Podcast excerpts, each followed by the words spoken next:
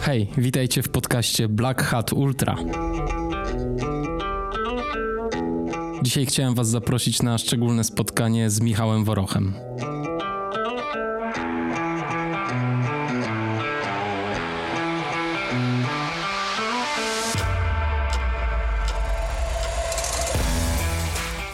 Tym myślałem i tak dokładnie to jeszcze nie wiem dlaczego. Nie wiem dlaczego, jak patrzę na to zdjęcie z wyprawy Michała i Maćka, na którym siedzą we dwóch na wózkach inwalidzkich przy defie, ogarnia mnie ogromny podziw i wzruszenie.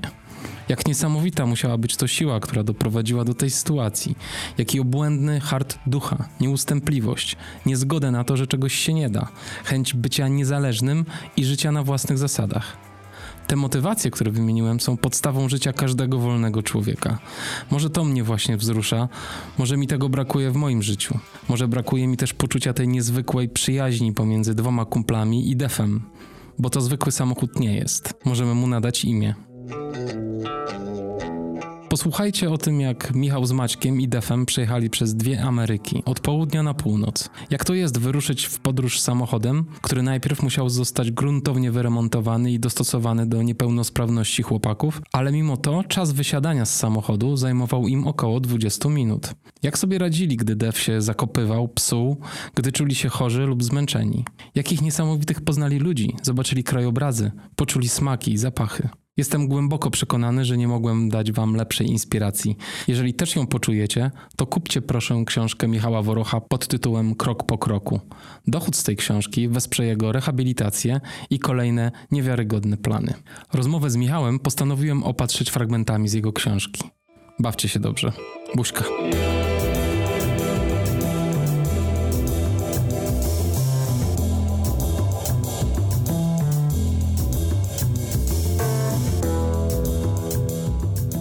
Przychodzą mi do głowy te wszystkie wspomnienia, gdy jedziemy w stronę Ushuai. W środku Defendera trzęsie. To auto o dość twardym zawieszeniu.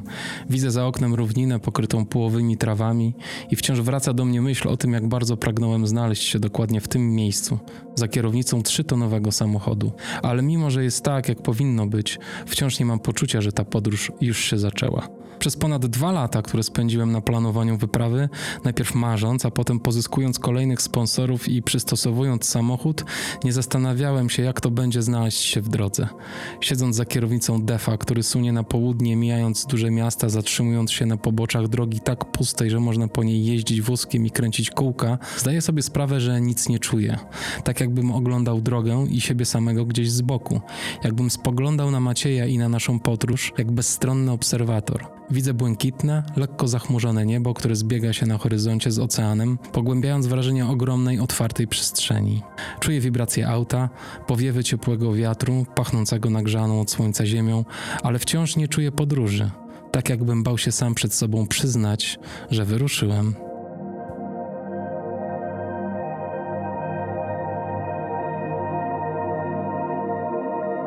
Witam Cię, Michał. Cześć, witam. Bardzo mi miło, że udało nam się w końcu spotkać. Chyba już ładnych kilka miesięcy próbujemy się gdzieś tam umówić, także bardzo się cieszę. Szalenie mnie inspiruje Twoja książka, którą napisałeś o swojej wyprawie z Maćkiem przez Ameryki. E, obaj jesteście niepełnosprawnymi osobami i no, książka jest absolutnie niebywała. Jest też pisana takim bardzo lekkim językiem, takim, w takim stylu dokumentalnym trochę. Mam wrażenie, jakbym oglądał takie skandynawskie kino, gdzie takim chłodnym, chłodnym językiem filmowym, w Twoim przypadku literackim, opowiadane są ciężkie, trudne historie. I mam do Ciebie pytanie, czy Ty masz swojego jakiegoś mistrza pisarstwa, który Cię inspiruje, czy też y, gdzieś tę formę sam wypracowałeś na własne potrzeby?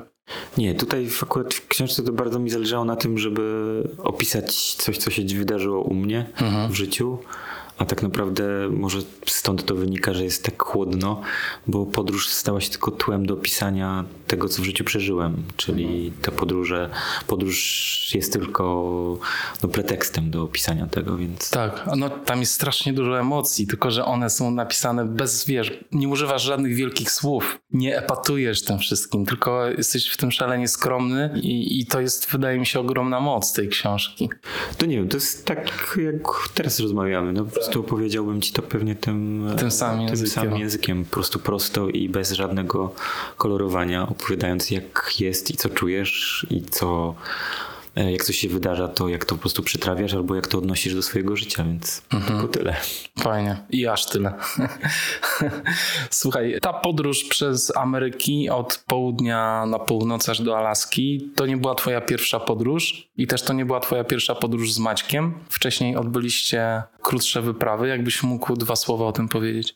To znaczy z Maćkiem e, dokładnie zrobiłem jedną wcześniej. E, a u mnie zaczęło się to tak dziać, że moi przyjaciele w pewnym momencie zadawali mi pytanie, czy nie chcę gdzieś z nimi pojechać. Albo też osoby, które dopiero poznawałem, tak jak na przykład miało to miejsce z Mongolią. I w pewnym momencie e, w szpitalu, jak leżałem z Maćkiem, bo to też jest tak, że poznaliśmy się w ogóle w szpitalu w momencie, kiedy ja powoli przestawałem chodzić, a Maciej drastycznie usiadł na wózek z powodu nowotworu, który, który miał. Nowotwór został wycięty, no i też przerwany rdzenie, on usiadł na wózek, a ja z powodu choroby przestawałem chodzić. Tak los chciał, że nas położył na jednej sali, no i tak się spotykaliśmy w szpitalu. No i raz na jakiś czas mówię, o Maciej, byłem tu, Maciej, byłem tu. No i w pewnym momencie, dokładnie w 2011, mówię, Maciej, zróbmy coś razem. No i Maciej mówi, jak sobie to wyobrażasz? Ja mówię, że kupię starą tę czwórkę i objedziemy yy, Europę dookoła. A on mówi, no dobrze, jak kupisz auto, to się odezwij. No i po roku czasu położyliśmy się znowu do szpitala.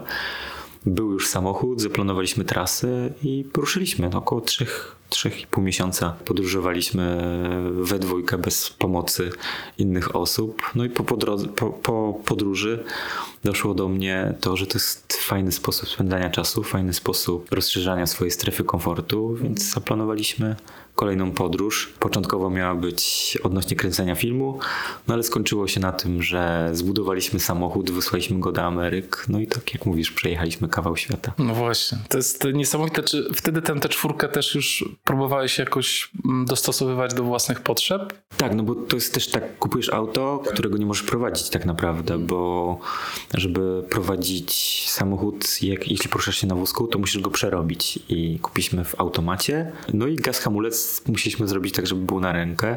No i też nie mogłem wskoczyć do auta. Macie na tyle ma silne ręce, że mógł się wciągnąć na siedzenie pasażera czy kierowcy. No w moim przypadku musiałem po prostu coś zacząć szukać. No i poszukaliśmy właściwie dokładnie Macieja Tata. Znalazł na Allegro windę, która jeździła na lotnisku w Anglii w jakimś busie. Jakiś pan kupił busa, przywiózł do Polski i sprzedał windę za 800 zł.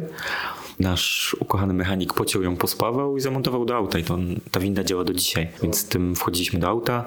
Mój znajomy Kromek e, pospawał nam takie łóżko z tyłu, żeby równo z wózka się przesiadać na to łóżko. No i spaliśmy w aucie, prowadziliśmy samochód jedzenie mieszało nam się z ubraniami, więc po trzech miesiącach wszystko strasznie śmierdziało. No ale to nas nauczyło tego, żeby ten kolejny samochód jakoś bardziej zaadoptować do podróży. A potem była podróż do Mongolii, gdzie z kolei podróżowałeś na koniach. To była wcześniej. To, to była wcześniej. Tak, 2012 to jest z Maćkiem, a 2008 ja jeszcze nie jestem do końca pogodzony z sytuacją, że siedzę na wózku. Mhm poznaję e, Szymona Mizerę, który organizował festiwal muzyczny. Ja gram sambę anarchistyczną w Rozbracie e, w Poznaniu i jedziemy całą grupą na otwarcie festiwalu, który Szymon otwierał. Wszyscy śpią w remizie na ziemi i po poranku Szymon podchodzi, po, pomaga mi wsiąść na wózek i się pyta, czy nie pojadę z nim do Mongolii. Ja mówię, że okej. Okay. A on mówi, no to zapytam mojej przyjaciółki, czy możesz jechać, bo to jej pomysł, żeby kręcić film w ogóle w Mongolii. Kasia, e, Mateja kręciła tam tam film z dziewczynami. No i Kasia napisała maila, że spoko może jechać z nami, ale niech nauczy się jeździć konno, więc tak to się zaczęło. Niesamowite. Tam też musiałeś stworzyć kawałek e, technologii, żeby móc podróżować na koniu? To się od tego zaczęło tak naprawdę, bo no, słuchając Kasi pojechałem do jednej szkoły, gdzie próbowałem się nauczyć jeździć konno. Powiedziano mi, że to jest nie do zrobienia. Pojechałem do szkoły, gdzie uczą osoby z niepełnosprawnościami. Też powiedziano mi, że to jest nie do wykonania, żebym siedział 3 albo 5 albo 10 dni w siodle po 10 godzin dziennie codziennie. I wróciłem do domu i zacząłem myśleć, jak to można po prostu rozwiązać. No I stwierdziłem, że muszę się jakoś przywiązać do tego konia, więc e, od zaprzyjaźnionych strażaków dostałem jakiś stary pas strażacki, taki, no po prostu pamiętający naprawdę sporo historii. W sklepie żeglarskim kupiłem jakieś linki, na szrotowisku wyciąłem pasy samochodowe i z tego wszystkiego zszyłem uprząż, która miała mnie trzymać do konia. I nie wiem, jak to się wydarzyło, ale nigdy tego nie przetestowałem w Polsce. Włożyłem do plecaka, pojechaliśmy do Mongolii, czyli dzień do Moskwy, 5 dni transsyberyjską do Uambator, z Uambator do 5 dni samochodem do ostatniej miejscowości, gdzie dojeżdża samochód. No i tam wyciągnąłem to z plecaka, przyczepiłem do siodła, no i mówię, dobra, sprawdzamy czy działa. No i okazało się, że zadziałało. I pojechaliśmy trzy dni drogi konno po 10 godzin dziennie do osady satanów, którzy mieszkali przy granicy z Rosją. I okazało się, że patent prawie zadziałał. Musiałem go trochę przerobić, żeby, żeby nie bolało tak jak bolało do, droga powrotna, ale udało się to wszystko zrobić. No i to nauczyło mnie tego, że tak naprawdę wszystko można przystosować w życiu pod swoje potrzeby, jeśli czegoś nie możesz zrobić. No właśnie, ale u ciebie ta chęć, ta siła, ta potrzeba dostosowania rzeczywistości do własnych potrzeb jest po prostu ogromne. To znaczy, wiesz, na Twoim miejscu mnóstwo osób by się po prostu poddało, a Ty tego nie zrobiłeś. Jak myślisz, z czego to wynika? Nie wiem, często się zastanawiam, mhm. jak to życie się ułożyło tak, że jestem w tym momencie, w którym jestem i że tak lubię to życie. Chociaż e, było naprawdę dużo trudnych momentów, takich, że od momentów, że nie chciało mi się żyć, po to, że wszyscy byli najgorsi i tak dalej. Ale z biegiem czasu, krok po kroku, jakoś tak się to zmieniło na, na dobre. No i wydaje mi się, że środowisko, w którym byłem, rodzina, mam wspaniałą rodzinę. Dostałem bardzo dużo miłości od siostry, która cały czas była ze mną w takich trudnych momentach, gdzie powinna uciec w ogóle na te moje wszystkie pikusy, które robiłem z niepogodzenia z sytuacji. No i też mam wspaniałych przyjaciół e, i osoby, które są blisko, które no wytrzymały to, bo to nie było proste, żeby wytrzymać z osobą, która chciała cały czas walczyć. No i tak naprawdę jak walczysz, jak jesteś niepogodzony, to najbardziej odbija się to naj, na najbliższych a oni to wytrzymali. Pewnie to wszystko razem połączone tworzyło mnie teraz. Wydaje mi się, że musiałeś mieć jakąś klarowną wizję tego, co chcesz zrobić, dlatego ludzie podążają za tobą. Czy klarowną? Nie wiem. No, na początku nie wiedziałem, co w ogóle się dzieje, na przykład jadąc do Mongolii, ale po podróży stwierdziłem, że to jest fajna ucieczka od niepełnosprawności. Kolejne wyjazdy były już tak trochę z ciekawości i z chęci sprawdzenia się. No a teraz stało się to tak, że po prostu jest to moja pasja. Też cudowne narzędzie do, do rozpychania strefy komfortu. Tak ostatnio często to w ogóle powtarzam, bo tak to czuję. I zamieniło się to po prostu z ucieczki w coś, co kocham. Też y, mówisz często o tym w książce, że jesteś taką osobą, która się nie potrafi zatrzymać. Jakby ciągle musisz działać.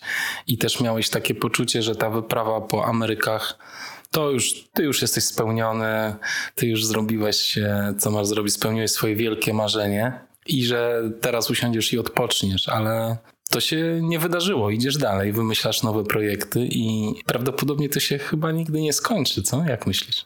To, wiesz co, to jest dobre pytanie, bo właśnie z tym pytaniem ostatnio budzę się i zasypiam, ale wydaje mi się, że coś się zmienia teraz, że dużo rzeczy jakichś takich powstaje nowych, które sprawiają, że jednak powoli zatrzymuje się i bardzo miło mi się to obserwuje u siebie, ale rzeczywiście jest tak, że, e, że są nowe pomysły. Jest pomysł e, wyjazdu w Himalaje, który właśnie teraz e, organizuję, ale to jest, nie wiem, nie, nie traktuję tego jako znowu jakąś pogoń, tylko no, wydarza się to wszystko, ale to się wydarza po to, żeby właśnie się później zatrzymać, więc bardziej mam wizję zatrzymania niż kolejnych jakichś szalonych wyjazdów. No i też zacząłem słuchać siebie, że to jednak to jest moje życie, to sprawia mi przyjemność, więc dlaczego tego, dlaczego tego nie robić?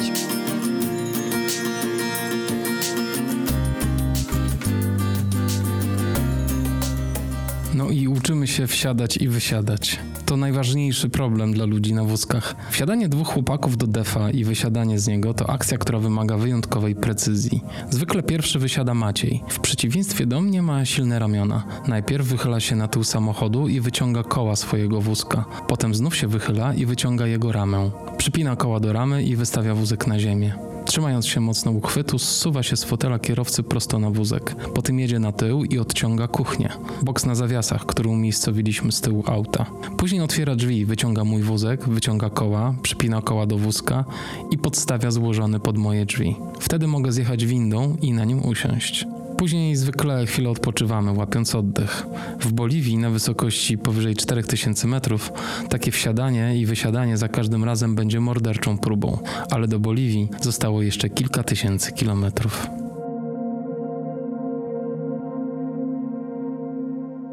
No właśnie, opowiedzmy odrobinę o książce, bo bardzo chciałbym zachęcić wszystkich słuchaczy do przeczytania Twojej książki. Jest absolutnie wyjątkowa i mam takie wrażenie, że poza Twoją chęcią tą niespotykaną determinacją, którą ty masz w sobie i tą umiejętnością przełamywania wydawałoby się nie do przełamania problemów, to jakby główną osią tej książki i tej podróży jest samochód. Jest przede wszystkim to, że ty, tak jak powiedziałeś, dwa i pół roku przygotowywałeś się do tej wyprawy, szykowałeś głównie samochód. Potem ten samochód musiałeś przetransportować do Ameryki, no i oczywiście nim przejechać.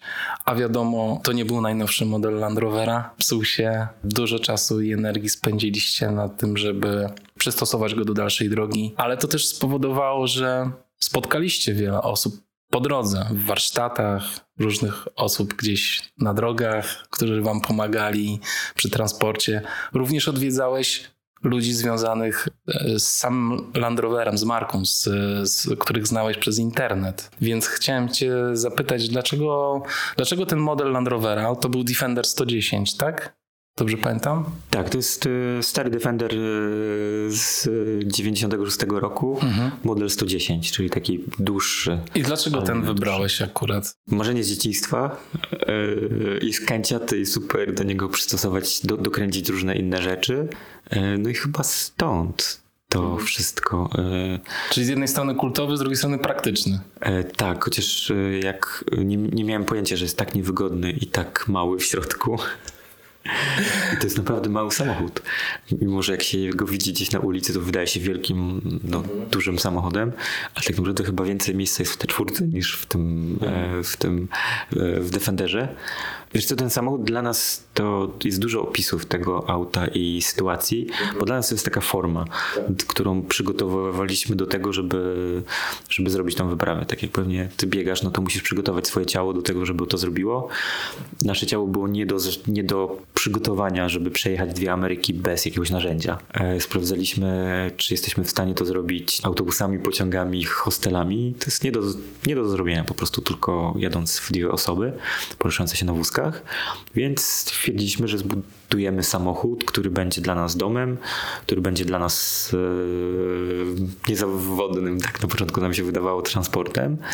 E, czyli jak wiesz, chcemy dotrzeć w jakieś fajne miejsce, na przykład na plażę, na wózkach się nie da, bo jazda na wózku po plaży to jest tak jak jazda kolażówką na plaży. Po prostu nie jesteś w stanie tego zrobić, zwłaszcza jak masz słabe ręce. E, a tutaj wsiadasz do samochodu, który ci tam zawiezie. E, też niektóre hostele albo hotele e, są, mają tak małe wejścia, drzwi czy w ogóle łazienki, że nie jesteś w stanie w ogóle tam funkcjonować. Więc stworzyliśmy też auto, w którym mogliśmy spać. Więc to była taka nasza forma do, do podróżowania. Wasz wehikuł taki. Tak, a rzeczywiście się psuł, ale tak naprawdę z perspektywy czasu nie zamieniłbym tego czasu, bo tak jak powiedziałeś, poznawaliśmy fajnych ludzi, ale to nie tylko w warsztatach, po prostu jadąc, żyjąc rok czasu w podróży, spotykasz ludzi, zwłaszcza jak śpisz na ulicy, albo śpisz na stacjach benzynowych, albo przy hotelach, to ludzie podchodzą i pytają się, co ty tutaj robisz, a zwłaszcza jak masz przypięty łańcuchem wózek do karoserii samochodu, to czasami ktoś podchodzi, czekasz, ty się obudzisz, żeby zadać ci pytanie, co ty tutaj naprawdę robisz. A z tym psuciem aut, no to wyobraź sobie, że psuje ci się w Nikaragui samochód, gdzie zrywa się rozrząd i to jest taka trudna naprawa, żeby ogarnąć to na końcu świata. I nagle po tygodniu, gdzie udaje ci się to wszystko przewieźć, ten samochód, ogarnąć lawetę, przetransportować, załatwić jakiś nocleg, załatwić mechanika, który to zrobi, załatwić te części wszystkie i tak dalej, i tak dalej. Nagle odpalasz samochód, jedziesz dalej w trasę, to to poczucie, które udało się wytworzyć jest nie do wyrobienia. To jest coś takiego, że jak wróciłem do Polski po roku podróży i po zerwanym rozrządzie, po jakichś skończonych hamulcach w Meksyku, po jakimś wycieku oleju gdzieś e, na końcu świata, to tak naprawdę rzeczy, które wcześniej wydawały mi się problemem, nie są dla mnie problemem tu w Polsce. I to chyba jest największy plus tej podróży, że to poczucie, że jesteś w stanie zrobić dużo więcej niż ci się wydawało wcześniej.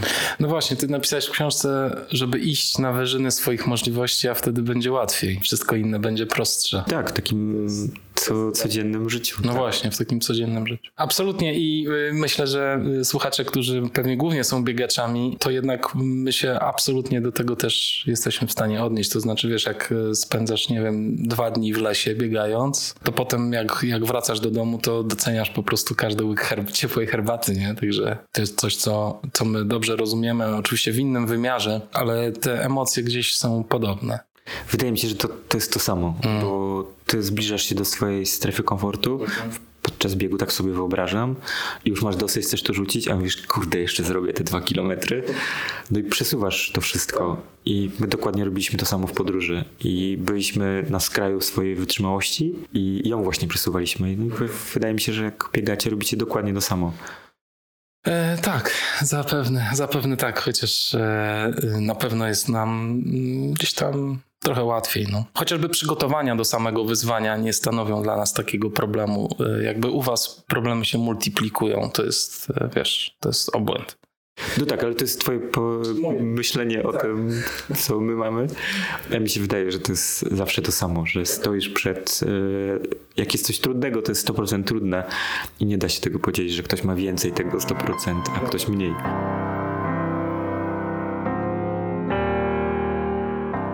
Moja babcia zadała mi kiedyś pytanie, to było lata temu. Czy jest mi przykro, że jeżdżę na wózku? Powiedziałem jej, że od dobrych kilku lat jestem z tym pogodzony. Oczywiście są takie sytuacje, że nie mogę wstać i zrobić tego, co chciałbym, i wówczas się irytuję, ale w sumie jestem szczęśliwy. Jak możesz być szczęśliwy? pytała babcia. Jak możesz być szczęśliwy siedząc na wózku? Tak, jestem szczęśliwy, odpowiedziałem. Światosław, mój kolega pracujący za jałaską, pewnego dnia przyszedł do mnie i powiedział: Uwierz, będziesz zdrowy. Dobrze pamiętam, co mu wtedy odpowiedziałem. Przychodzisz do człowieka, który przez całe lata starał się zaakceptować siebie i swoją sytuację, i mówisz, że mam uwierzyć, że wyzdrowieję. Czy nie rozumiesz, że gdybym uwierzył w możliwość uzdrowienia, zaprzeczyłbym temu, kim jestem?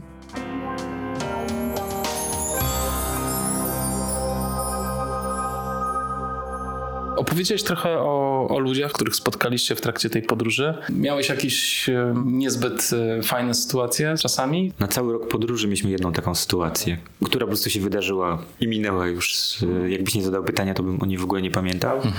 Jechaliśmy przez ogólnie w rozumieniu niebezpieczne, niebezpieczne państwa i, i było naprawdę dobrze. Ale to też, wiesz, my byliśmy ludźmi ulicy. W krajach hiszpańskojęzycznych staraliśmy się mówić po hiszpańsku i to też przełamywało pewne bariery. Niektórzy nawet nam mówili, że o, staracie się mówić, no to ekstra, nie jesteście gringo, czy nie jesteście nazywani biała, biała, białasami, którzy przyjeżdżają tylko po prostu coś zobaczyć i uciekają, tylko że chcemy po prostu być w tej tkance i to było też doceniane.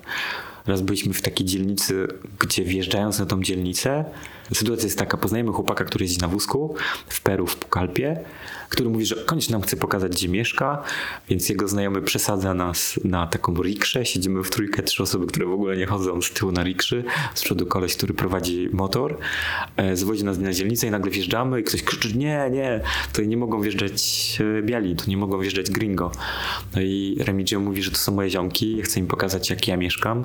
Chcę pojechać do mojej siostry, do, do mamy, do cioci, e, więc musimy tu wjechać. No i wjechaliśmy na dzielnicę, gdzie, gdzie teoretycznie nie mogliśmy się po, pokazywać. No i nagle po jakimś drugim dniu, przy jakimś jedzeniu, gdzie siedzieliśmy, piliśmy kompot z kukurydzy, podchodzi chłopak, mówi, chodźcie, zrobię wam zdjęcie. Ja nie mogę być na zdjęciu, bo jestem ścigany listem gończym. No i to jest spotkaliśmy osoby, które mogłyby nas okraść, ale zawsze było właśnie w tą drugą stronę, że było naprawdę dobrze. Albo na ulicy często nie mogłem czegoś ściągnąć z samochodu, na przykład portfela, aparatu. To pytałem ludzi, którzy przechodzili, czy mogą mi coś podać. Ktoś trzymał portfel mój w dłoni, mógł odejść. Tak bym go nie dogonił i od, oddawał, albo podawał coś, albo się pytał, czy coś pomóc, więc wręcz przeciwnie. Były dobre, dobre sytuacje. Raz ktoś mi próbował portfel wyciągnąć, ale to była taka sytuacja, że ta osoba po prostu chyba nigdy w życiu nic nie ukradła i się bardzo przestraszyła tego, co sama chciała zrobić. Tam opisujesz w książce taką sytuację na parkingu w Valparaiso, gdzie Maciek poszedł e, e, do kasyna, bo on chyba lubił i, i pamiętam, że, że, że opisywałeś ten moment jako taki wyjątkowo trudny. Tak, to właśnie o nim mówiłem, ale nie, nie sprecyzowałem dokładnie, że on o ten chodzi. E, Maciej wychodząc z auta, po, podeszła do niego e, kobieta, e, która chciała mu powróżyć i mówi daj pieniążka, daj pieniążka. Maciej ją, no powiedział, że nie chce, więc poszedł zobaczyć do tego kasyna, czy jest jakiś turniej w pokera. No i pani przeniosła się z drugiej strony samochodu i zaczęła mnie wypytywać, wręcz zaczęła mnie dotykać, tak jak nie, nie powinna tego robić. Przed jej partner, który też cały czas jakoś tak nagle daj pieniążka, będę ci wróżyć, daj pieniążka, będziesz miał dużo miłości. Mówiłem, że nie chcę pieniędzy nie chcę miłości, że mam ich za dużo. No ale pani przekraczała wszystkie granice i to był taki moment, kiedy poczułem, że, że może coś się wydarzyć. Ale całe szczęście w tym momencie przed Maciej zaczął jakoś tak rozładowywać tą atmosferę i udało. No właśnie, ty i Maciej jesteście taką specyficzną parą dosyć, bo z jednej strony e, bardzo dobrze funkcjonujecie razem, em, stanowicie bardzo sprawny mechanizm e, w podróży, pomagacie sobie wzajemnie i razem się wspieracie i podróżujecie. Z drugiej strony mam wrażenie, że Maciej ma zupełnie inne oczekiwania odnośnie tej podróży i nie do końca chyba wy jednakowo ją odbieracie. Mam wrażenie, że ty żyjesz na najlepszą część swojego życia, a Maciej jakby stał trochę z boku, nie angażuje się też we wszystkie rzeczy, które ty robisz. Nie wiem, czy dobrze myślę, czy dobrze odczuwam, tak było? Totalnie, w 100%, w 100% no może z tym, że no Maciej po prostu ma inne życie, więc on żyje na 100% innym życiem. No właśnie, do, dobrze mu było? Tak jak z nim rozmawiałeś, on bawił się dobrze? Też często w ogóle byłem pytany na festiwalach, gdzie opowiadałem o podróży, czy się nie pogodziłem z Maciejem przez, że teraz on nie jeździ na festiwale, nie opowiada, e, więc cały czas tłumaczyłem, że nie, no po prostu ten koleś tak ma, że, że jest totalnie inny ode mnie i co innego go interesuje. Ja na przykład dzisiaj przyjechałem do Ciebie na takim rowerku, który doczepiam do wózka i zrobiłem tutaj 7 kilometrów i rowerek, rowerek powstał tylko po to, żebym mógł sam gdzieś się poruszać, bo jak jechaliśmy w 2012, to żebym mógł zrobić jakieś 500-600 metrów, to prosiłem Maćka, żeby mnie gdzieś zapchnął, bo on jest po prostu silny, ma ręce, więc czepiałem jego wózka i ruszałem z nim. A tutaj wiedziałem, że jadąc na tak długą podróż, on nie, no po prostu nie chciałem go angażować w to, więc stworzyłem narzędzie, które podpinam i mogłem ruszać, a Maciej jest totalnie inny. Ale wracając do Macieja, no to My się poznaliśmy w najtrudniejszym momencie życia, czyli Maciej, sportowiec, który był świetnym szypiornistą, nagle na meczu się przewraca i okazuje się, że powoli czuje nogi, więc trafia do szpitala, jest nowotwór i tak dalej, więc y, ma 16-17 lat, więc to jest trudny, trudny wiek. I nagle orientujesz się, że całe życie spędzisz na wózku a ja przestaję chodzić, co chwilę się przewracam i wszyscy mówią, że mam usiąść na wózek, bo po prostu dziś się tak wyrżnę, że już nigdy nie wstanę. I poznajemy się w takim momencie. No i później jesteśmy na jednym wyjeździe. Ja czasami nie muszę z Maciejem rozmawiać, wiem o czym on myśli. Wydaje mi się, że w drugą stronę jest tak samo. A w podróżowaniu bardzo ważne, czy w ogóle w czymkolwiek, co robisz, jest bardzo ważna relacja, partner. Tak. No i wiedziałem, że partnerem na taki wyjazd długi Maciej będzie idealny. Czasami tak. rzeczywiście nie odzywaliśmy się pięć dni. Maciej był na górze, bo mieliśmy dwie, dwa jakby pokoje. Był namiot na dachu do spania i środek. Ja czytałem sobie książki cały dzień na dole, Maciej czytał książki cały dzień na górze i spotkaliśmy się na obiedzie. A czasami odpaliałem rowerek i znikałem na cały dzień i wracałem, przywoziłem jakieś historie albo jakieś jedzenie i rozmawialiśmy. I no i też czasami były takie noce, że całą noc gadaliśmy do rana, opowiadając sobie o różnych rzeczach, a czasami pięć dni się nie odzywaliśmy, więc to po prostu jesteśmy totalnie różni. Teraz w tą kolejną podróż w Himalaje Maciej nie jedzie. Jedzie jego dobry znajomy Bartek, który też porusza się na wózku.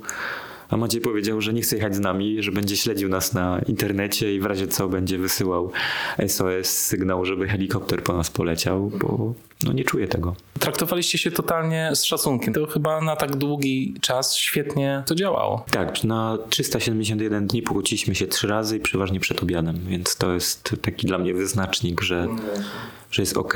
No mamy mocne charaktery, różne, więc moglibyśmy tam pokłócić się, zwojować, ale liczył się ten cel, żeby po prostu być, być w drodze i prze, przeżyć tą wyprawę. No właśnie, też świetnie się uzupełnialiście, bo y, Maciek ma silne ręce i bardzo ci tutaj pomagał z wysiadaniem w ogóle z samochodu. Ty niestety dodatkowo masz jeszcze zanik mięśni, prawda? Jeszcze masz taką chorobę, ale z drugiej strony oglądałem w internecie twoje zajęcia z Wojciechem Romanowskim, gdzie ty właściwie chodziłeś, czy też wykonałeś kilka kroków. I chciałem się cię spytać, jak to w ogóle działa? Czy to jest rzeczywiście tak, że, e, że ta choroba jest w 100% nieuleczalna, czy ty jesteś w stanie jakoś pracować nad tym? To jest też złożone, to że widziałeś, że chodziłem. To jest trochę oszustwo, bo po prostu były przesuwane moje nogi i chodziło o to, żeby trochę oszukać umysł, że chodzi i to wtedy no, ciało lepiej po prostu pracuje. Od półtorej roku jest lek, znaczy przyjmuję lek od półtorej roku na, na zanik mięśni i wywróciło mi się życie do góry nogami, bo nagle, wiesz, jest tak, miałem taką chorobę, że z roku na rok byłem słabszy, mhm. a właściwie co pół roku czułem, że jakaś czynność mi odpada mhm. od, od tego, co robiłem. Musiałem się dostosować do nowej rzeczywistości. Teraz, odkąd jest lek, bardzo dużo ćwiczę, bo jest to niezbędne do tego, żeby ten lek działał. No i lek ma zatrzymać albo spowolnić, albo trochę polepszyć ciało.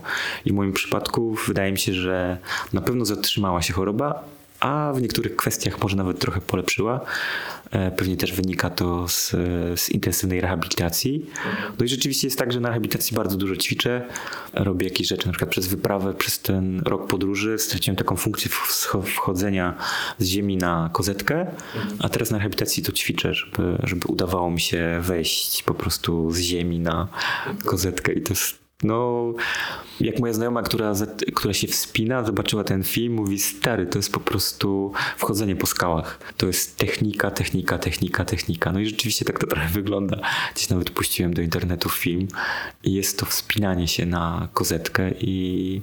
Ale to, to, to wspaniałe, bo, e, bo w książce piszesz o tym, że lekarze pukali się w głowę, że jedziesz w taką podróż, że to cię bardzo osłabi i żebyś tego nie robił. To tak jest, ale gdybym tego nie zrobił, nie czułbym się tak, jak teraz sądzę. Ja musiałem to po prostu zrobić, bo wydaje mi się, że głowa jest ważniejsza niż ciało. I jak jest głowa ok, to to ciało też będzie lepiej funkcjonować. No i teraz czuję, że, że miało to wszystko sens i że tak miało być i nie odwróciłbym tego.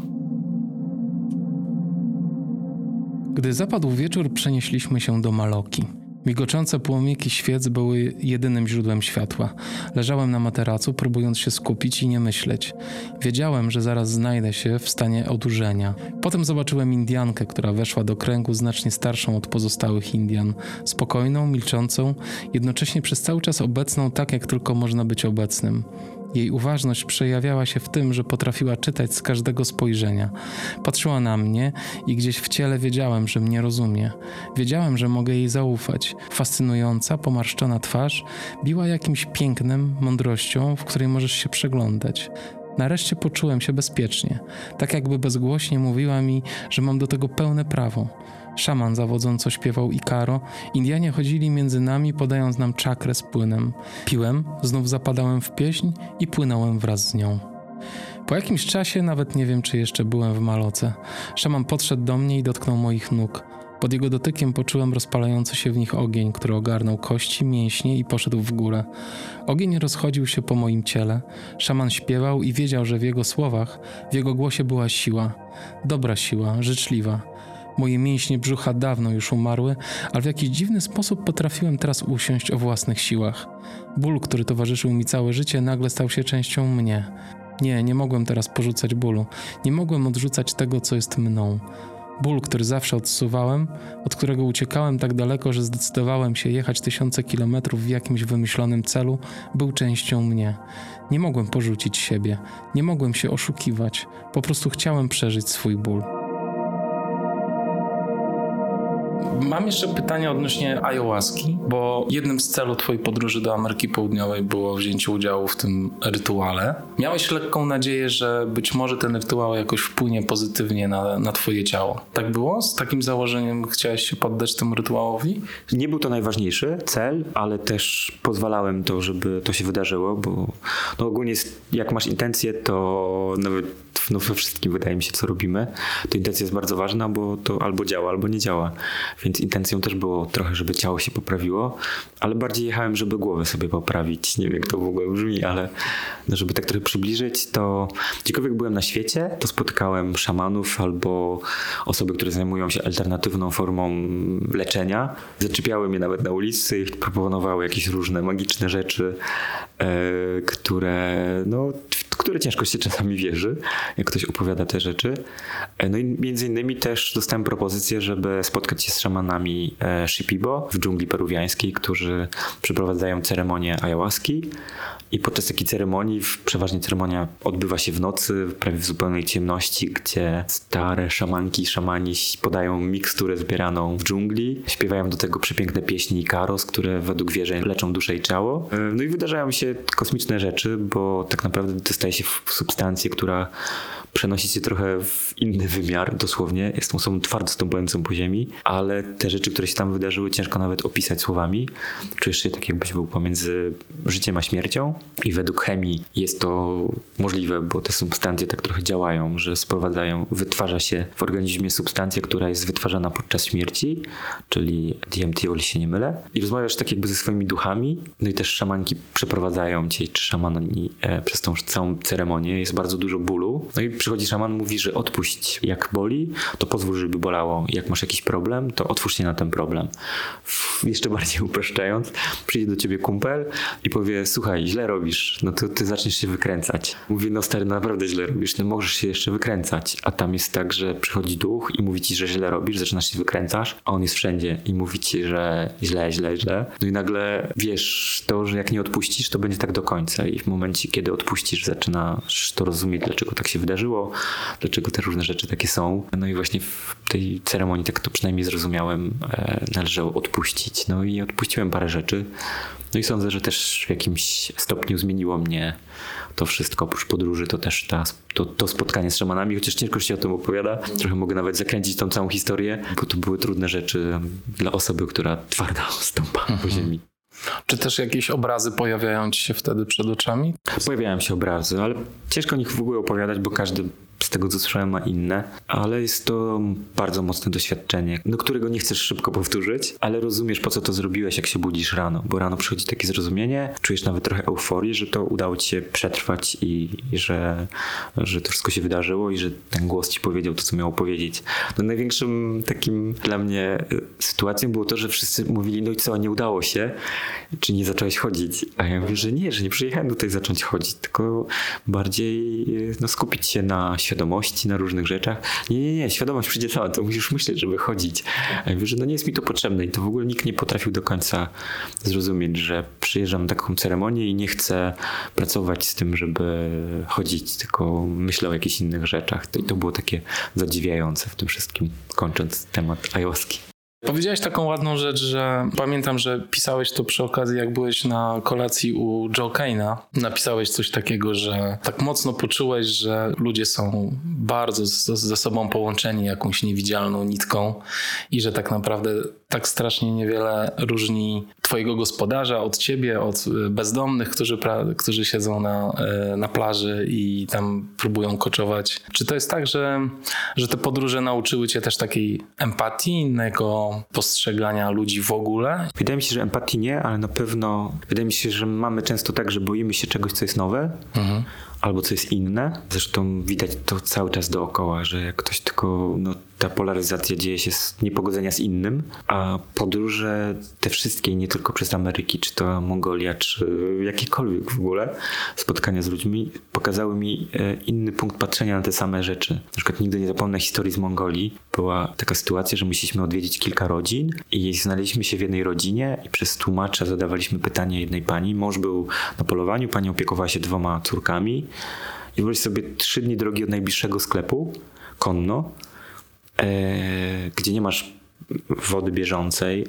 Wchodzisz do tipi, gdzie cały dom jest po prostu jednym namiotem, e, gdzie widzisz porządek, gdzie widzisz e, czyste dwie dziewczynki z białymi kokardami na głowie i zadajesz pytanie gospodyni, że co ona robi, jak jest minus 40 na zewnątrz. Ona nie rozumie ci o co ci chodzi, więc tłumaczysz to jeszcze raz przez tłumacza. No i nagle tłumacz ci odpowiada, że no pani mówi, odpowiada ci, że ona robi to samo co teraz, że siedzi, opiekuje się córkami i nagle dostajesz taki impuls w głowie, ale jak? Ja sobie nie wyobrażam, że moja mama, jak jest minus 20, mówi mi, że będziemy mieszkać teraz w namiocie, a w innej części świata jest to zupełnie normalne. I takich impulsów od tamtego momentu, bo tam był taki najważniejszy, wydaje mi się, coraz więcej zacząłem zauważać po drodze. No i też e, przyzwyczaić się do innego, czyli traktować to jako coś normalnego. No i wydaje mi się, że to powoduje, że myślisz, że każdy jest po prostu taki sam. Znaczy taki sam w cudzysłowie, w sensie realizujemy siebie w różny sposób, to i tak jesteśmy jesteśmy no, sami. Ludźmi. ludźmi. A ty jako człowiek do czego dążysz tak naprawdę? Jakbyś tak mógł to opisać w kilku słowach, co jest dla ciebie ważne?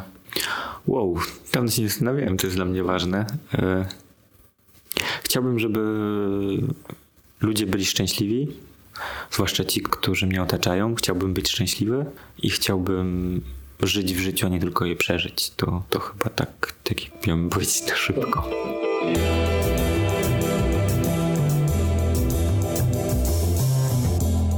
Kiedy trzy dni później jedziemy 101, wciąż myślę o cenie, jaką się płaci za takie życie. Czy potrafiłbym tak? Przez moment wydaje mi się, że owszem. Byłbym w stanie poświęcić wiele, żeby móc żyć w takim raju. Dałbym radę pracować po 10-11 godzin dziennie za dobre pieniądze i czuć się częścią tego, czym jest San Francisco.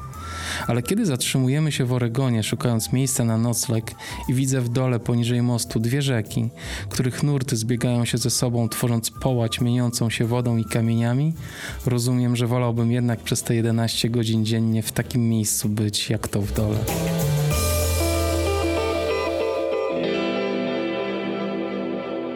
Spotkałeś w Zakopanem twórcę właśnie wózków dla niepełnosprawnych, którzy chcieli się poruszać po szlakach w Tatrach. Tak, ja poznałem Maćka e, w szpitalu w Bydgoszczu, profesora Talara mhm. i to było, no nie potrafię nawet policzyć ile lat temu, ale do tego i co pół roku albo co rok jeździłem na rehabilitację do szpitala i tam też w pewnym momencie pojawił się Bartosz Mrozek, e, który latał na szybowcu latał na paralotni, spadł z paralotni, złamał kręgosłup. I też nisko, więc silne ręce, niesprawne nogi. I Bartek jest zakopanego.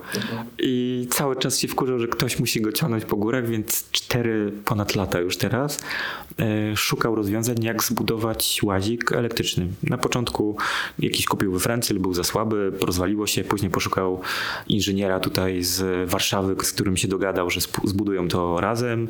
Jacek e, Kopiński no, wybudował to maszynę razem z Bartkiem. Bartek mówi, tutaj musi być tak, to musi być mocniejsze.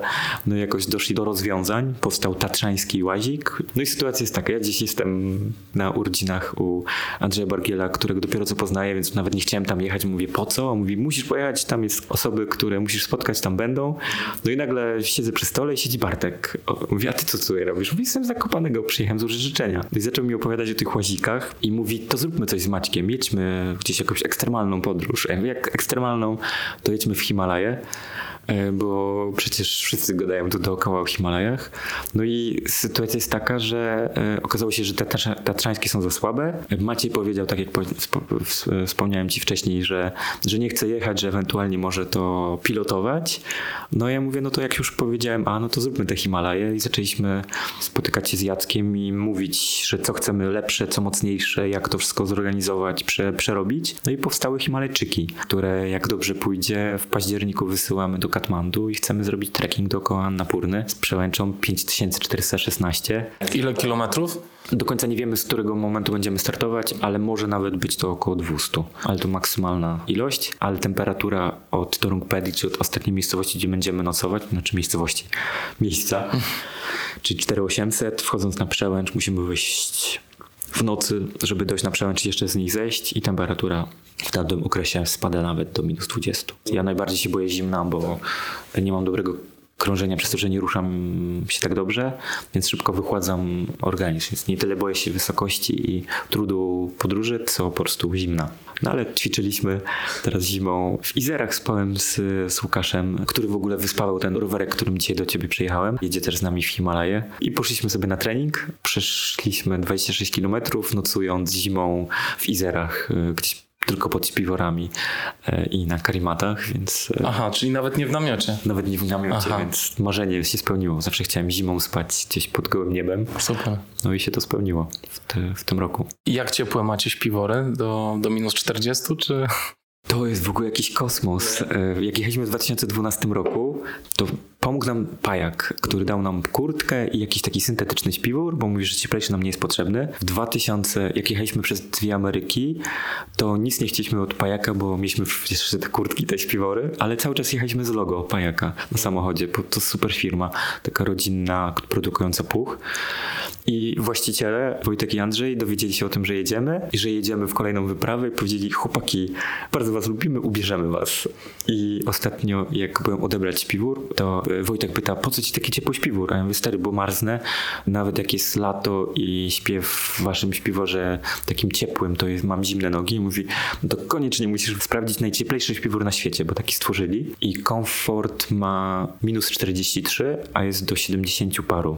Jest jest jakimś totalnym kosmosem. Ja jestem osobą, która marznie i spałem, jak spałem teraz w Izerach, to spałem w koszulce na ramkach tylko, bez żadnej bielizny termoaktywnej i Lisek mnie zapinał w ogóle w ten śpiwór i mówi, ty powinieneś się ubrać cieplej. A ja mówię, stary śpię w najcieplejszym śpiworze na świecie, będzie mi ciepło, jest tylko minus 4 czy tam 5.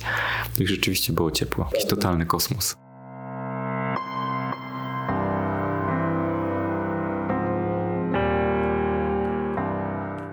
Powiedzieć, czy zapytany o najważniejszą osobę w moim życiu potrafiłbym ją wskazać.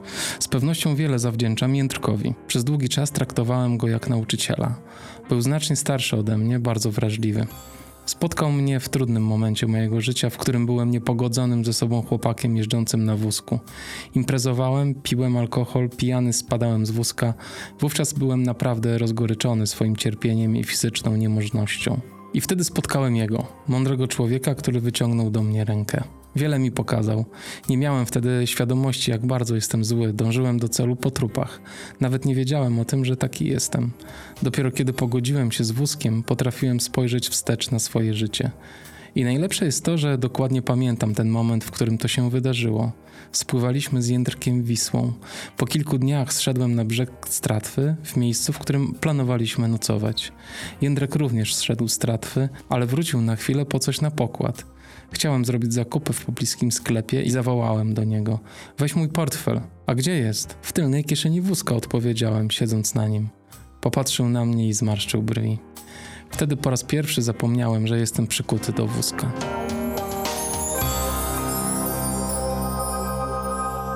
Ekipa, która z wami jedzie w Himalaje, ile osób w sumie będzie zawierała? Na dzień dzisiejszy pięć osób, możecie to wszystko zmienić jeszcze. Ile osób na wózkach? Dwie, dwie osoby na wózkach, jest Bartosz i ja. No nie jesteśmy w stanie zrobić tego samemu, więc kiedyś na festiwalu podróżniczym zadałem pytanie Bartoszowi Malinowskiemu, który przeszedł w ogóle całe Himalaje pieszo. Mówi, Bartosz, da radę dał przejechać? A on mówi, wątpię, ale jak będziesz robił wyjazd, jadę z wami. No i też zaproponowałem znajomego, z którym studiowałem na intermediach i grafice Wit- Witajowi e, z Litwy, przyjechał na Erasmusa, świetnie kręci, robi zdjęcia. No i Łukasz e, Lisowski, który pracuje na wysokościach, który, z którym się przyjaźnię, który wiem, że jak nam odpadnie koło w ogóle gdzieś na, na końcu świata, to on zrobi, że to koło będzie działać i pojedzie dalej. Złota rączka. E, Tak, no ma świetny fach w ręku, potrafi spawać, potrafi tworzyć różne rzeczy i ma taki techniczny zmysł, a zarazem taki artystyczny, bo też sko- skończył School of Form, więc tworzy jakieś lampy, jakieś różne rzeczy, więc takie artystyczne, więc to nawet ładnie wygląda wszystko później. I kocha jeździć na rowerze. Kiedyś jeździł na os- ostrym kole, był kurierem, grał w bike polo, mył okna na wieżowcach, więc jest taki też dobrze rozruszany. Więc wiem, że jak gdzieś będziemy musieli założyć jakieś stanowisko, żeby nie zjechać tymi łazikami, to nam ogarnie to wszystko. Y, No właśnie, to ciekawe, bo widziałem taki film reklamowy u ciebie na stronie, gdzie, gdzie dwa wózki połączone są liną, tak jakbyś się wspinał. Czy to tak naprawdę, czy to było trochę na potrzebę tego filmu? Wiesz co, no to, to jest tak jak wspomniałeś, jest to reklama. Dostaliśmy propozycję, żeby wystąpić w reklamie, z, ja w, jeszcze w ogóle ze starą wyprawą, a powiedziałem, że po co stara, jak możemy opowiedzieć o nowej. No i to jest super, no, chyba najlepsza praca życia, bo wystąpiliśmy w reklamie, opowiedzieliśmy, co chcemy zrobić i za to dostaliśmy pieniądze, za które kupiliśmy łaziki, te himalajskie, w sensie... Bo to była reklama Hyundai'a, tak? Huawei. Huawei. Tak. Huawei. No i bardzo polecam, bo tam jest w ogóle historia, oprócz tego, że to jest reklama, Tak, to jest nie, historia, fajne. po co w ogóle chcemy zrobić te Himalaje, no ale to pod potrzeby filmu. Koprowcy rozwiesili nam liny, przyczepili łaziki, no i wiesz, po prostu puszczałem linę, Bartek krzyczał, że, że puść, no i pod, pod film, Okej. ale Czyli no, nie, może- wspin- nie wspinacie się jeszcze na tych wózkach. no wspinać się nie da, ale przy opuszczaniu pewnie mogą być potrzebne, bo przy zabezpieczeniu, żeby się nie zsunął, bo będzie takich parę trudnych miejsc tam, gdzie idziemy. Dla, piesze, dla pieszo, jakbyś chciał to zrobić, no to tak naprawdę z twoją kondycją tu ubierasz plecak, lecisz i robisz. Tak. A dla nas jest problem to, że czasami są za wąskie ścieżki, musimy te łaziki rozebrać albo coś zastanowić się, jakieś pochylić, przesunąć i to wszystko na wysokości 4800 z przepaścią 600 metrów w dół, więc Czyli całej trasy na wózkach i tak y, nie, pok- nie pokonacie. Mam przyjaciółkę Magdalenę Jączy, która oprowadza ludzi w ogóle po Himalajach. I wyobraź sobie, że jak usłyszała o projekcie, skończyła oprowadzać ludzi na Manaslu, przeniosła się pod Annapurnę, wzięła linijkę przeszła trasę w dwie strony, kładąc linijkę na ziemi, fotografując nam całą trasę. Więc wiemy, na co się możemy pisać. No i też widzę parę problemów, ale też są te łaziki tak skonstruowane, że już po prostu wojny toczyłem, żeby te koła się rozkręcały, żeby w razie co można było to rozkręcić i przenieść. Taki transfo- Transformers troszkę. Tak. Świetnie. Dużo czasu zajęło wam w ogóle dostosowanie wózka tatrzańskiego do himalajskiego? Dużo, to są, wiesz, cały czas negocjacje.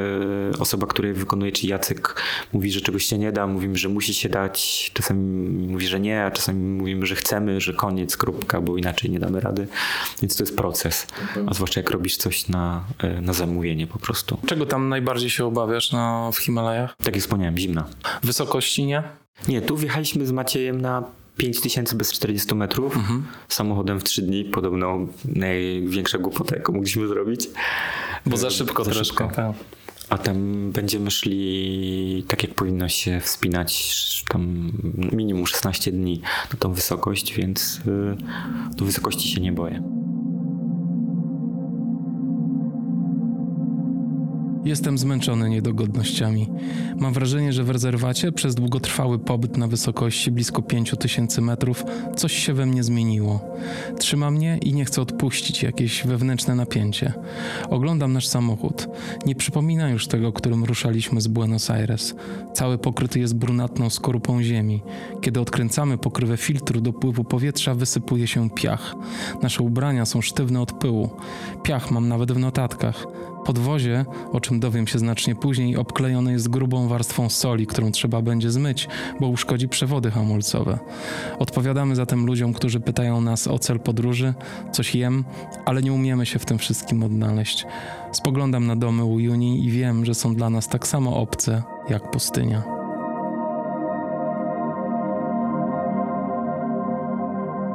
Powiedz, czy jest jakaś czynność, którą lubisz robić, która ci sprawia największą frajdę, podczas której jak ją robisz, czu- czujesz się super wolny? No jest dużo takich rzeczy, ale pierwsza myśl to gotowanie. Jak gotuję, to nie myślę o rzeczach, bo mam też moja siostra często, jak mam jakieś dużo pracy, to patrzy na mnie i mówi, no i znowuż masz te oczy takie, że masz procesor cały czas odpalony. No i rzeczywiście cały czas e, myślę o różnych rzeczach, bo naprawdę dużo rzeczy jest, żeby to ogarnąć, więc cały czas procesuję, a jak gotuję, to wyłączam się zupełnie. Lubię bardzo gotować dla kogoś, więc zawsze jak, jak gotuję, to robię to w ogóle powoli. Też wybieram zawsze potrawy, które wymagają czasu, na przykład sushi albo coś takiego. No i lubię to robić, nawet jak jestem totalnie zmęczony, że nie mam dosłownie siły rąk podnosić, że odpoczywam, bo ukroiłem, pokroiłem całość i muszę chwilę odpocząć, żeby pokroić jeszcze inną rzecz, to uwielbiam to robić. Sprawia to, że odcinam się od takiego innego myślenia. A powiedz, jakbyś mógł opowiedzieć o idealnej wyprawie? Wszystkie, które miałem, były idealne. Czasami mówisz o tym, że chciałbyś być w 100% niezależny. Bo ja się bardzo boję i bardzo trudne jest dla mnie uzależnienie od innych osób, a niestety mam taką niepełnosprawność, że no to zobacz, tutaj y, były dwa stopnie, nie mogłem się tutaj dostać, musiałeś mnie wciągnąć. I zastanawiałem się, czy się nie męczysz, czy twoje plecy są ok. I też y, czasami jak coś robię, to też potrzebuję pomocy i strasznie tego nie lubię. I to jest uzależnienie od innych osób i staram się jak najmniej prosić, jak najwięcej robić samemu. I to jest taka jedna rzecz, której nie lubię, bo nie wkurzam się na to, że jestem na wózku albo że czegoś nie mogę zrobić, tylko wkurzam się na to, że ktoś musi to robić za mnie. Teraz mówisz, że, y, że cię wózek nie wkurza, ale kiedyś cię wkurzał i potem musiałeś zrobić te wszystkie wyprawy, prawda? Mm, No tak wyszło, wypadło na te wyprawy, ale y, to też cały proces z rodziną, z przyjaciółmi, z tym, co się w mojej głowie wydarzyło, wydarza cały czas. Ale tak, no kiedyś był, był duży problem z tym, że jestem na wózku. Teraz mam wrażenie, że jesteś dużo bardziej pogodzony chyba ze sobą. I... No w ostatnim czasie często w ogóle powtarzam, że jestem pogodzony. Parę osób mi mówi, że ona w to nie wierzą, że jak to jest w ogóle możliwe, ale jeszcze bardziej się nad tym zastanawiam i nie zmieniam zdania. Jestem, jestem pogodzony. To znaczy, tak jak powiedziałeś, to jest prawdopodobnie proces, natomiast y, ty żyjesz, y, jesteś szczęśliwy, bo ciągle robisz fajne rzeczy w życiu, rozumiesz? To jest... To właśnie szczęście nie tylko polega na tym, żeby robić te fajne rzeczy, tylko yy, żeby w ogóle być szczęśliwym, bo czasami się robi te rzeczy, których nie chcemy albo które wiemy, że musimy zrobić, ale to nawet przy tych rzeczach jestem szczęśliwy. Więc Super. Dobry czas mam teraz, chyba najlepszy na świecie, jaki miałem do tej pory. Fajnie. Dziękuję Ci, Michał, bardzo za rozmowę i powodzenia w Himalajach. Powiedz jeszcze słówko, jak można wesprzeć Twoją wyprawę. To na pewno wysyłając dużo energii, żebyśmy pojechali, wrócili. Ale jeśli ktoś ma tylko ochotę jakoś inaczej, no to wszystko na stronie. W ogóle michałworoch.com, tam jest wszystko opisane, ale no, od kupna książki po wymyślenie jakiegoś sposobu, jak ktoś ma jakąś dużą firmę, żebyśmy mogli zawieść jakąś flagę na górze, e, czy, czy procentowo, czyli fundacyjnie, czyli na przykład z odpisania od podatku, jak jakkolwiek po prostu można to zrobić. Albo na przykład ostatnio bardzo dużo miałem spotkań w firmach, gdzie robiłem, opowiadałem o całej wyprawie, pokazywałem zdjęcia, czy to online, czy nie online. Więc jeśli ktoś ma firmę i zatrudnia osoby czasami, które opowiadają o, albo motywują do jakichś różnych działań, to też tym się zajmuję, więc e, to też jest na pewno okay. wsparcie.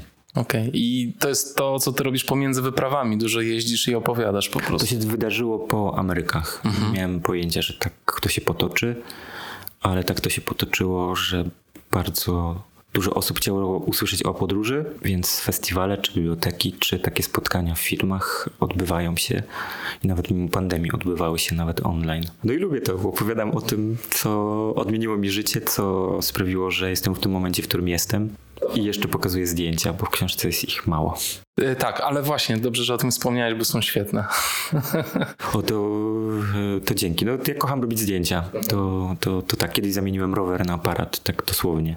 Przestałem jeździć rowerem i kupiłem aparat i swego czasu uwielbiałem robić zdjęcia, teraz trochę robię ich mniej, ale muszę wrócić, bo moje ciało mówi mi, że wracaj do zdjęć, no i powoli wracam.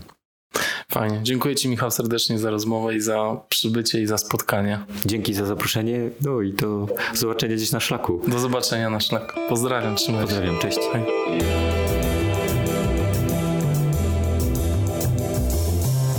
Przez moment opada mnie rezygnacja. A więc taki jest koniec naszej wyprawy. Ten koniec wyglądający jak barak, błotne drogi kluczące między innymi barakami i płomienie strzelające w niebo z szybów wiertniczych. Stają mi przed oczami lata starań, setki telefonów, dni spędzone na planowaniu, kalkulowaniu, zapewnianiu samego siebie, że dam radę. Więc to wszystko zrobiłem tylko po to, żeby w końcu dotrzeć tutaj i dowiedzieć się, że do celu, do ostatniego punktu, który sobie wytyczyliśmy, brakuje nam dosłownie 5 kilometrów. Już wiem, że nie dojedziemy tam defem. Co najwyżej jakimś podstawionym autobusem, który zawiezie nas do celu naszej podróży i wysadzi. Pewnie pozwolą nam zrobić zdjęcie, chwilę się rozejrzymy i znów zapędzą nas do jego wnętrza i wrócimy tutaj, do Dead Horse. Czy to nie jest symboliczne? Cała ta podróż była drogą przez ograniczenia, nasze własne, ludzkie, które wyeliminowały nas jako niepełnosprawnych chłopaków z większości atrakcji. Nie widziałem miasta Inków, kondorów w kanionie Kolka. Wielki kanion Colorado ujrzałem tylko dlatego, że włamaliśmy się na teren, który był wyłączony od ruchu samochodów. Odpuszczam, myślę. Jeśli Maciej chce, niech jedzie. Ja nie pojadę. Przecież nawet tam nie dotrę. Jeśli nawet zobaczę leżące 5 kilometrów dalej Prudhoe Bay, nic to nie zmieni. Uśmiecham się do siebie. Tak kończy się ta wielka podróż ludzi, którzy na przekór wszystkim i wszystkiemu wsiedli pewnego dnia do Defendera, którego samodzielnie przystosowali do jazdy i ruszyli na północ przez dwa kontynenty. Pokonaliśmy wszystko, a zatrzymał nas druciany płot.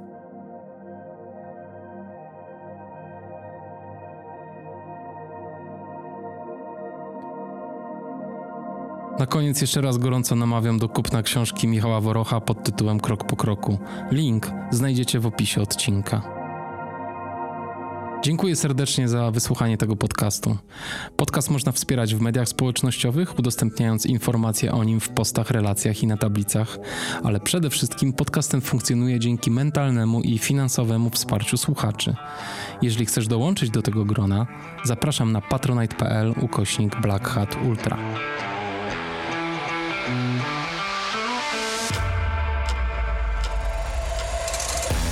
Tej chwili podcast na Patronite wspiera 126 osób, ale chciałbym wymienić tutaj alfabetycznie nazwiska tych, których miesięczny wkład jest największy. Są to Agnieszka Barczyk, Krzysztof Bednarz, Adam Bogdał, Magdalena Czernicka, Agnieszka Dudek, Andrzej Gąsiorowski, Krzysztof Grzenda, Bieta Chryń-Morawska, Michał Janiak, Tomasz Kacemirow, Paweł Kaczmarek, Szymon Kubicki, Agnieszka Łęcka, Marek Maj, Wojtek Mąka, Agnieszka Miniti, Wojciech Pietrzok, Marcin Stefaniak, Marzena Stanek, Przemysław Strąg i Edyta Winnicka. Ten odcinek podcastu Black Hat Ultra przygotowali Kamil Dąbkowski, prowadzenie i montaż oraz Piotr Krzysztof Pietrzak. transkrypcja i media społecznościowe, a autorem muzyki jest Audio Dealer.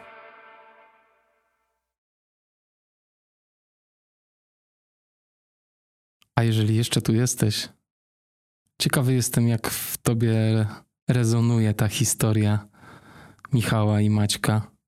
Co dla ciebie było ważnego? Co ci się udało wyciągnąć z tej historii dla siebie?